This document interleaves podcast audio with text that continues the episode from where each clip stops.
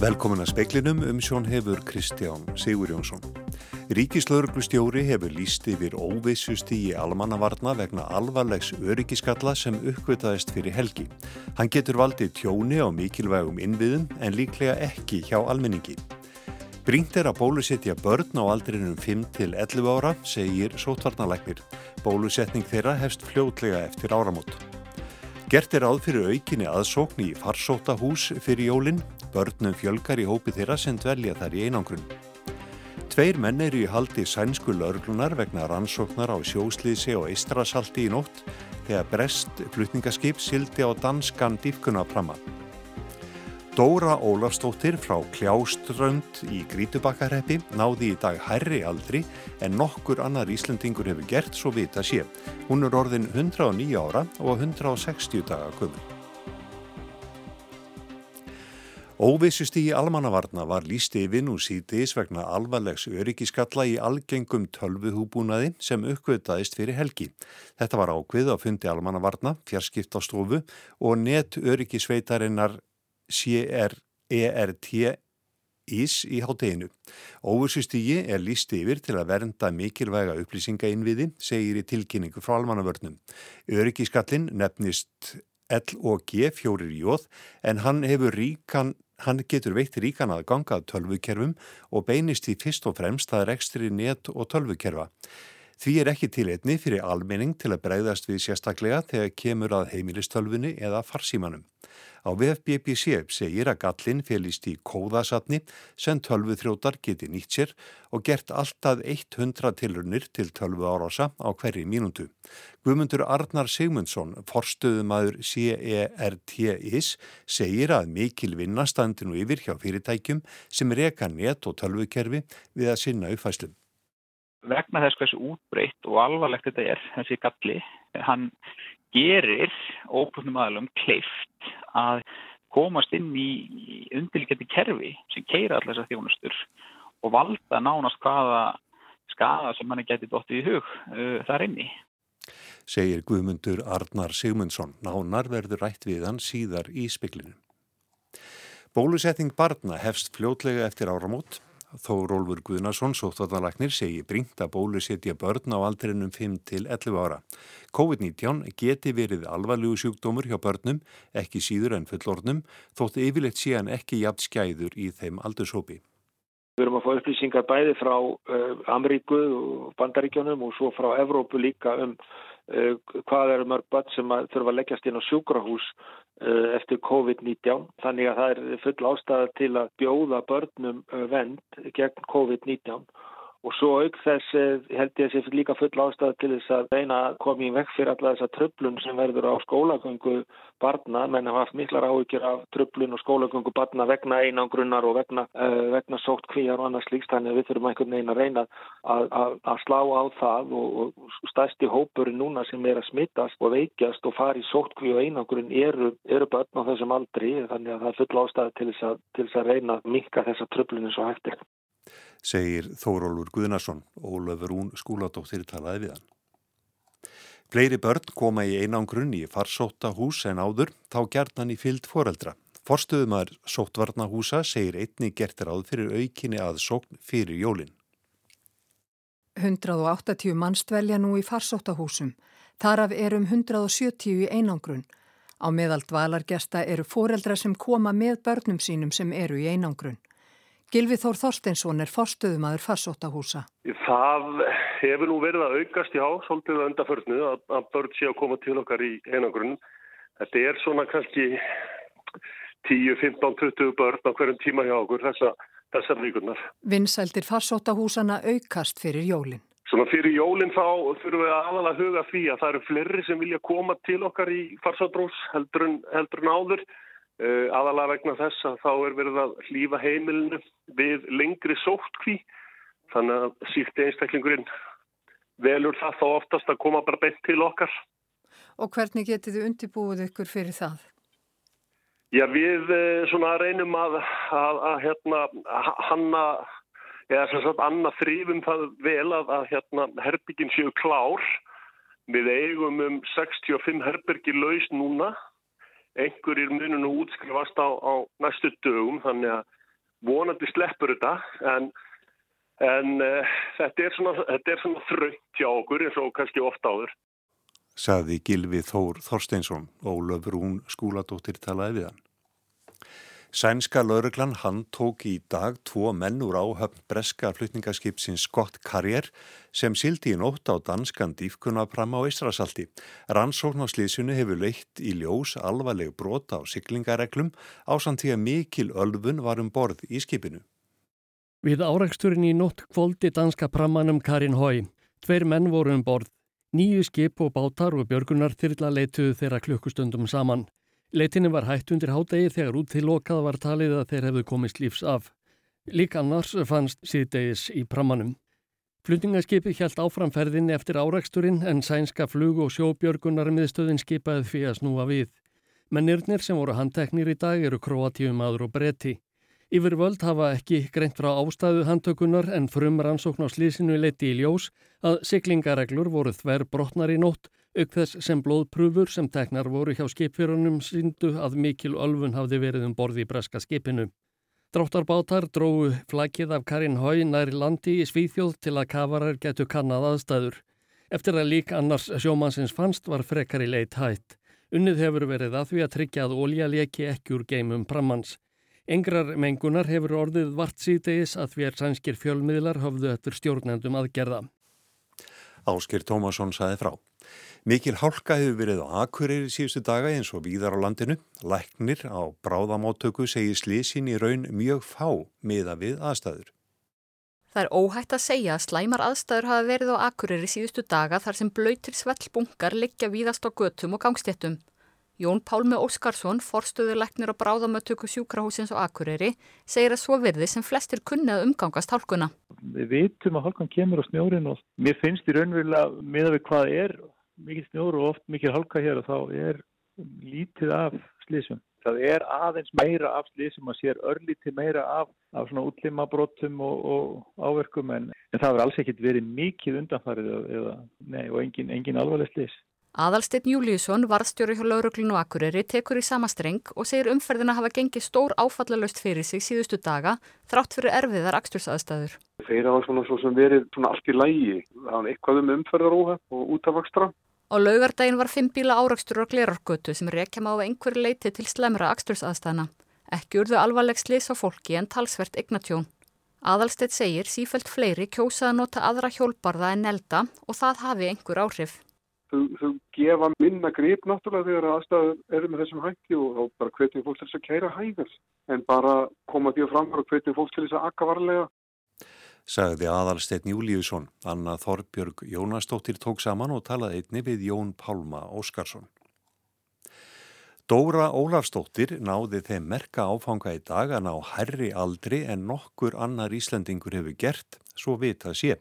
Hún er orðin 109 ára og 160 daga gömul. Dóra fættist 7. júli árið 1912 á Kljáströnd í Grítupakkarheppi við Eyjafjörð en býr nú á skjóli í Reykjavík. Til að setja aldur Dóru í eitthvert samengi má nefna að hún fættist tveimur árum áður en fyrri heimstyrjöldin hófst. Jóhann Bjarni Kolbensson, frettamæður, tók hús á Dóru í dag. Hvað finnst þér um að vera orðin elsti Íslendingurinn? Það er svolítið erfitt. Þegar maður heyrir illa og sér ekki vel. En svona, maður verður alltaf að vera hérna meðan að lífið endist. Hvað ætlar þú að gera í tilöfni dagsins? Bara að lesa blöðin. Það er eina. Svo ég tétur ekki alltaf. Hvað stefnir þú á að verða gömul? Ég held að sé komin á. Ég þarf ekki að fara lengra. Hún kom á heimsóttið í morgun, hún Katrín Jakobsdóttir Fossættisráð þeirra. Hvað fannst þér um það? Mér fannst það bara svo ung. Hún myndi mig bara svona mjög vennilega íslenska unga stúlku. Sagði Dóra Ólafstóttir, nánar verður rætt við hana í kvöldfréttum sjónvars í kvöld. Eins og framkomi í fréttalutaspegilsins var óvissust í almannavarna líst yfir nú síðdeis vegna alvarlegs öryggiskalla í algengum tölvuhúbunaði sem uppvitaðist fyrir helgi. Um helgina varaði netöryggissveitin sertis við því að herjað væri á íslenska innviði erlendis frá. Reynda að finna vefþjóna og kerfi sem væri mögulega berskjöldut fyrir árásam tölvuþróta vegna galla í kóðasafni.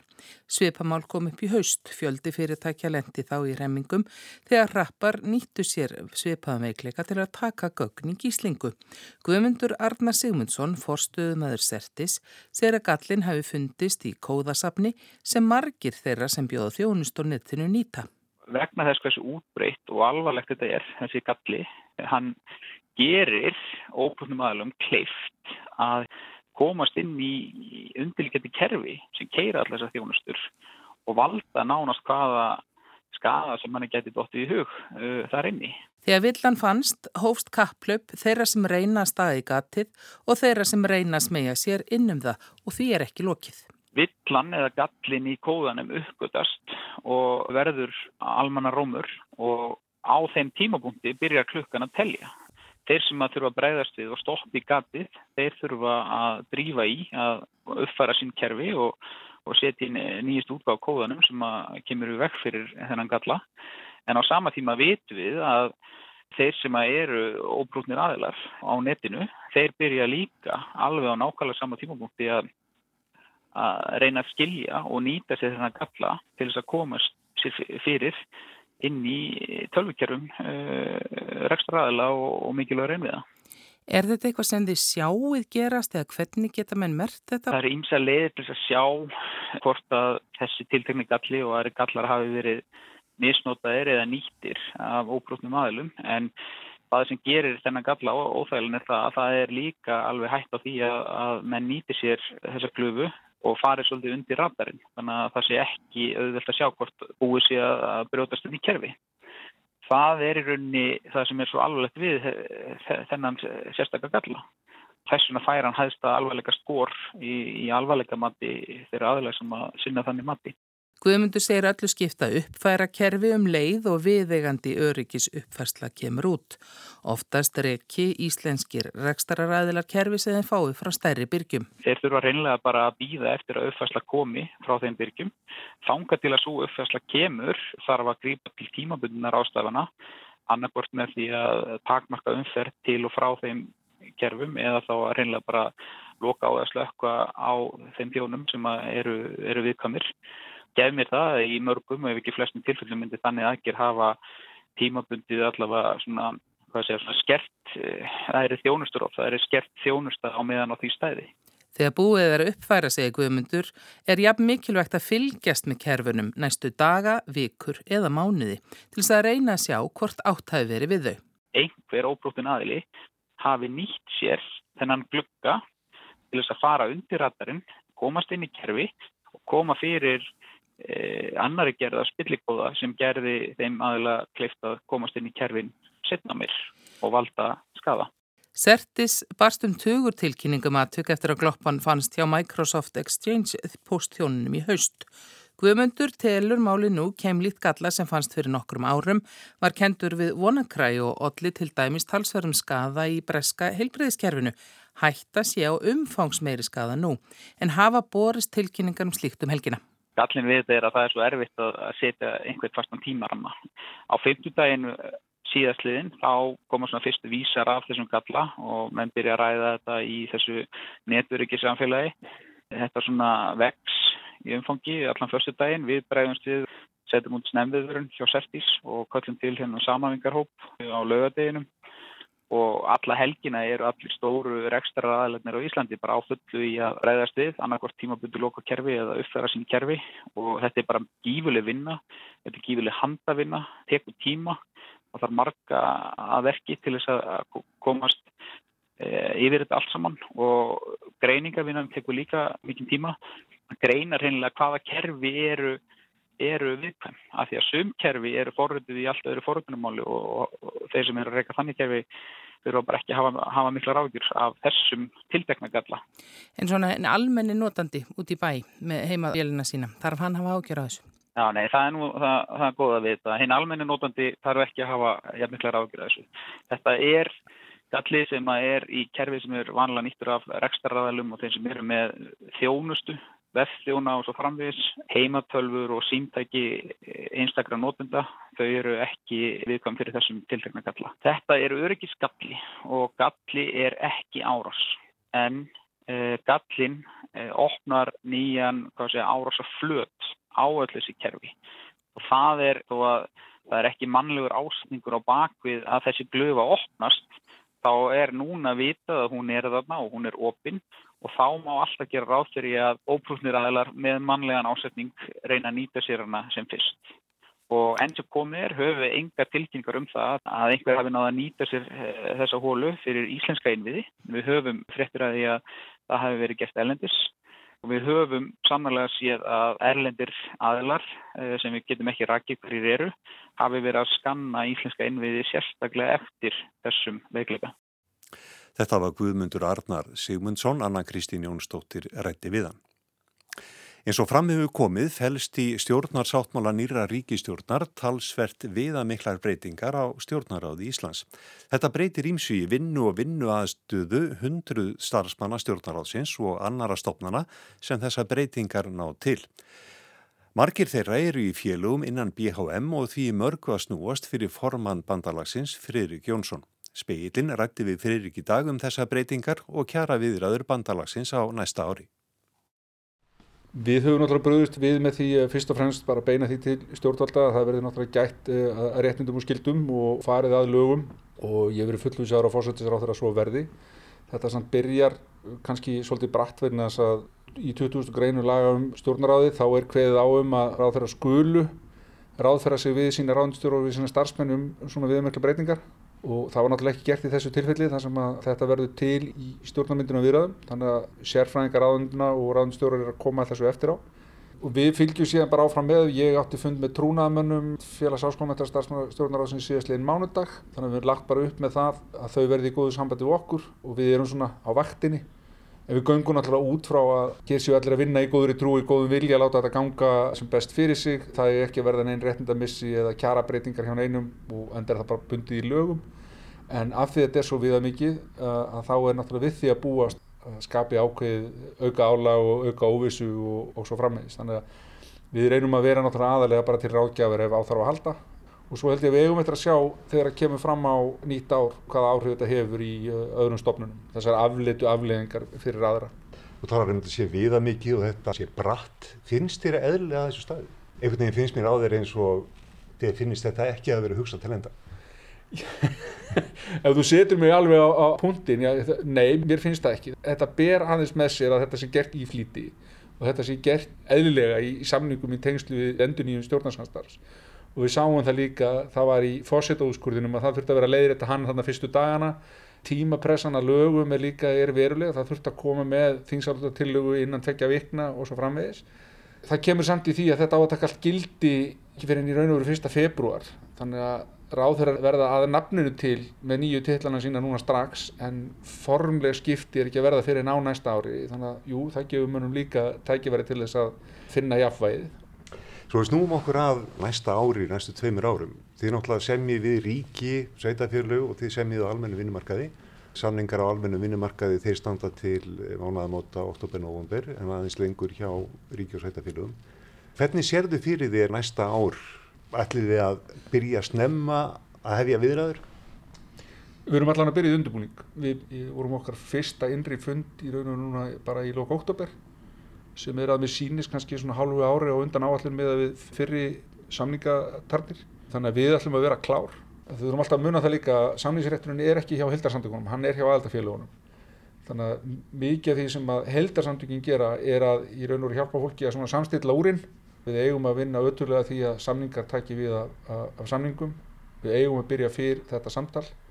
Það er sérstaklega brínt núna þegar við erum að koma upp úr þeim efnaðsáskorunum sem tengjast heimsvaraldri ég er hrættur við að ef að við gerum það ekki ef við byrjum ekki snemma á þessum samtali það er að segja þá ofinböru markaðurinn, almennu markaðurinn, atvinnuregnundur, verkefælisfélaginu, við byrjum ekki þetta samtal bara sem allra allra fyrst, þá verði samtalið erfiðara og ég held að það sé ekki neinum í hafa korki stjórnvöldum, atvinnulífi, í launafólki að hér fari allt í uh, blúsandi vinnudeilur í byrjun árs 2023 eða lók næsta árs.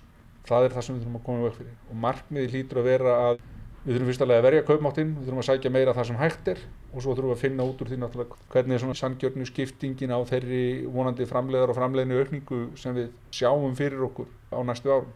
Ef þú lítur á raunhæfta málinn í ljósi faraldusins, sérðu fyrir þér sömu stöðu, kjara rýrnun, er einhver möguleiki á kjara bótum? Það er alltaf möguleiki og við sjáum það að það er að verða ágetis hagustur upp úr þessari krísu Hagusturinn samt að þessu ári er ekki víst að ná að bæta fyrir tapið sem varð á síðast ári. Við hefum líka eftir að klára að leiðréttingar í raun og í íslensku kjaraumhverfi. Hér kem ég þá inn á velþekkt þema sem tengist kynniðum vinnumarkaði að við horfum sérstaklega á það fólk sem ég er að vinna fyrir. Að við sjáum mjög stóra breyða hópa starfstjætta sem að meiri hluti starfandi eru konur, sérfræðingar, háskólamentaði sérfræðingar og það hallar verulega á þeirra kjör þeirra starfi er mentun ekki metin til launa eins og við teljum að þetta vera og við sjáum það bara tölunum og samanbörði við önnur lönd, Evrópu almennt, Norðurlöndu sérstaklega, að þarna er veruleg skekja. Þannig að þarna er áskorunin í raun og veru frekar að sækja í raun og veru ákveðna leiritingar. Síðan hvað var þar almenna launathróun, eins og ég sagði án, fyrsta lagi viljum við verja kaupmáttin. Það sem við erum að horfa fram á í ljósi, nú eru búin að vera tvær kjaralótur undanferðin 4-5 ár, þar sem áherslan hefur verið á lagstulaun og króndurhækkanir við sjáum það bara svart á kvítu þetta gagnast okkur ekki. Við horfum bara fram á það og með að við verðbólgu, vænta verðbólguþróun er það ekki bara það að við náum alla verið að kaupmáttin heldur eru við að dragast aftur úr. Það er semst verður kjara rýðnun hjá okkar fólki netto í lók þess að kjara sannistíðanbíl og það er náttúrulega vonlaus stað að vera í. Þannig að fyrir okkur að byrja ennu aftur eitthvað samtala á forsendum krónutölu samninga þá getur ég bara sagt takk en neittak við myrum ekki taka þátt í því Ertu vongóður um að þetta samtal þróist með góðum hætti ef þú bara lítur á það sem sagt er í stjórnásáttmálanum, nýju fjörlæðafrumvarfi og viðbröðum atvinnureikendar, það sem aðeir? Grunnstillingi mín er alltaf vongóð. Þannig að já, uh, líka því að ef við tölum út frá staðröndum, ef við tölum út frá gögnum, af hverju ættu stjórnvöld einmitt ekki að vilja að þetta samtal fari fram sem fyrst og með sem bestum hætti það getur ekki verið hagur þessara stjórnvalda já, inn í fjórðung, þriðjunga sínu kjörtæmubili að hér verið allt lofandi vinnudelum.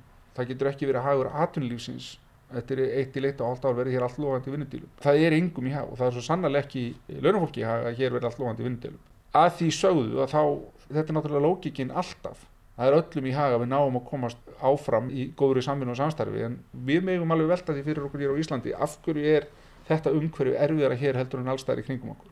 Af hverju tekst kollegum okkar á Norðurlundum að gera þetta með mun betri hætti allan með minni átökum. Af hverju fara hér yfir 300 samningar inn til ríkisáttasemjara meðan það eru kannski 30 í Nóri og Svíþjóð.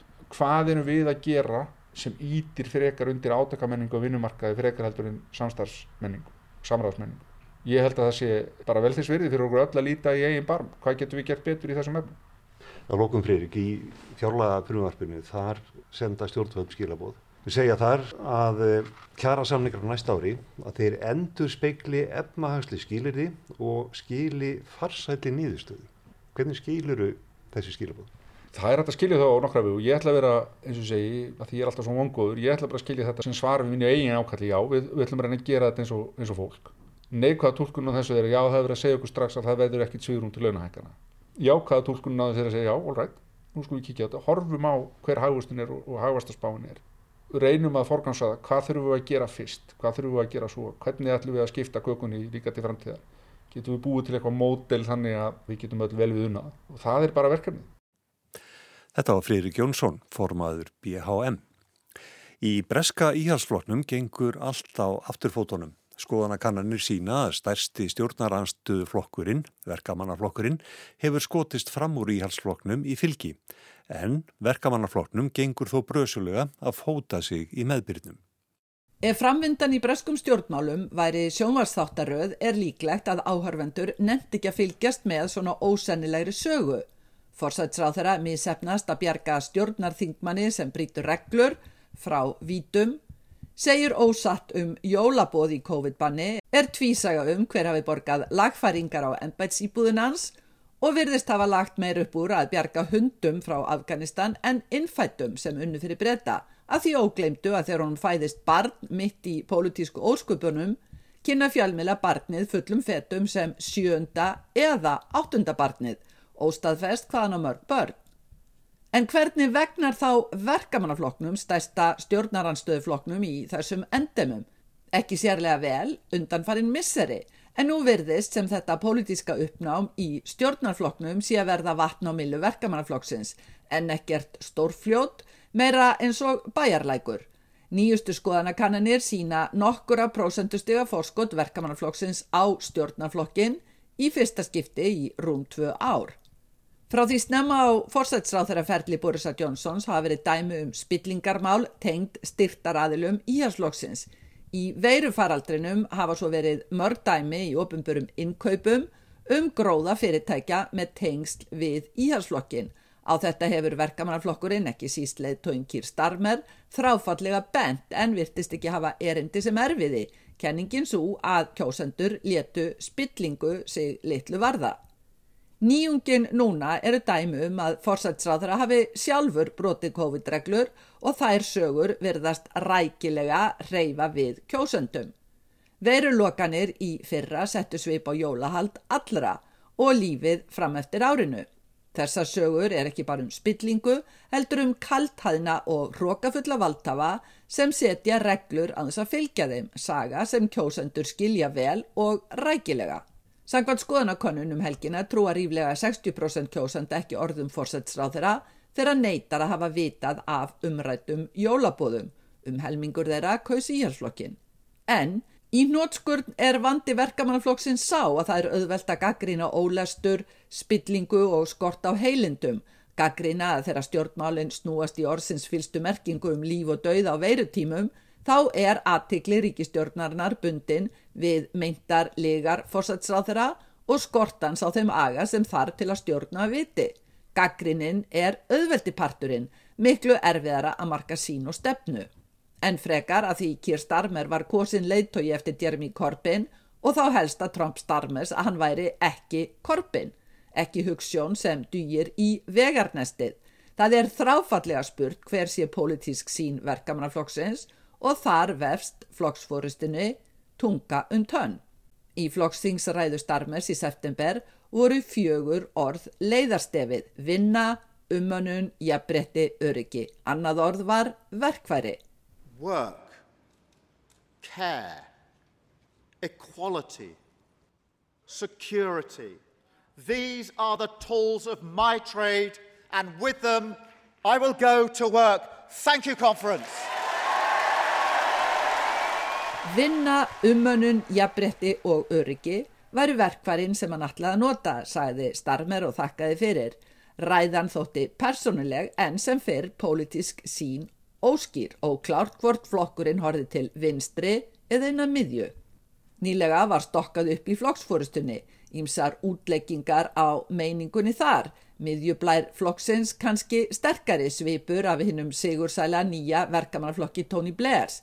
Líka að þeir sem hlutu brautargengi í uppstokkuninni væri þeir bestu í að koma bóðskap á framfæri þar hort til kostninga. Bóðskapurinn þó eftir sem áður óklár. Hinn skelega 42 ára Lísa Nandi áður keppinautur starmers um leðtúasætið fer nú með utryggismálinn, viðurkenninga á slagkrafti hennar og sem starmer vantarstundum í viðbót við að hún talar eins og maður við mann ekki eins og politískur páagökur. Í flokksþingsræðunni sæði Nandi flokksþingi nú vera heið fyrsta eftir Brexit, útgöngubretta úr Evrópusambandinu en landamæri væru engin endimörk viðfangsefna. Our socialism doesn't end at the coastline. We will never solve the world's problems or Britain's by standing by or standing back. Okkar sósialismi endar ekki við strandina, við leysum ekki heimsvandan eða vanda Breitlands með því að leiða málinn hjá okkur eða draga okkur í hljé, saði Nandi. Öðvelt að segja það, en í raun er Brexit eitt margra mála þar sem verkamannaflokkurinn veit ekki í hvort fótina ná að stíga. Það verða líklega ekki kostningar fyrir enn 2023, kjörtímabilið rennur ekki út fyrir enn 2024. Verkamannflokkurinn getur flotið áfram á gaggrinni á ríkistjórnina, hamrað á ódug og óheilindum fórsetsráð þeirra, en á einhverju tímaspunkti þarf skýra stefnu og hún verður ekki til yfir nótt. Sigrun Davísdóttir saði frá. Og fleiri er ekki speikli kvöldsins, Magnús Þorstein Magnússon sendi út. Veriði sæl.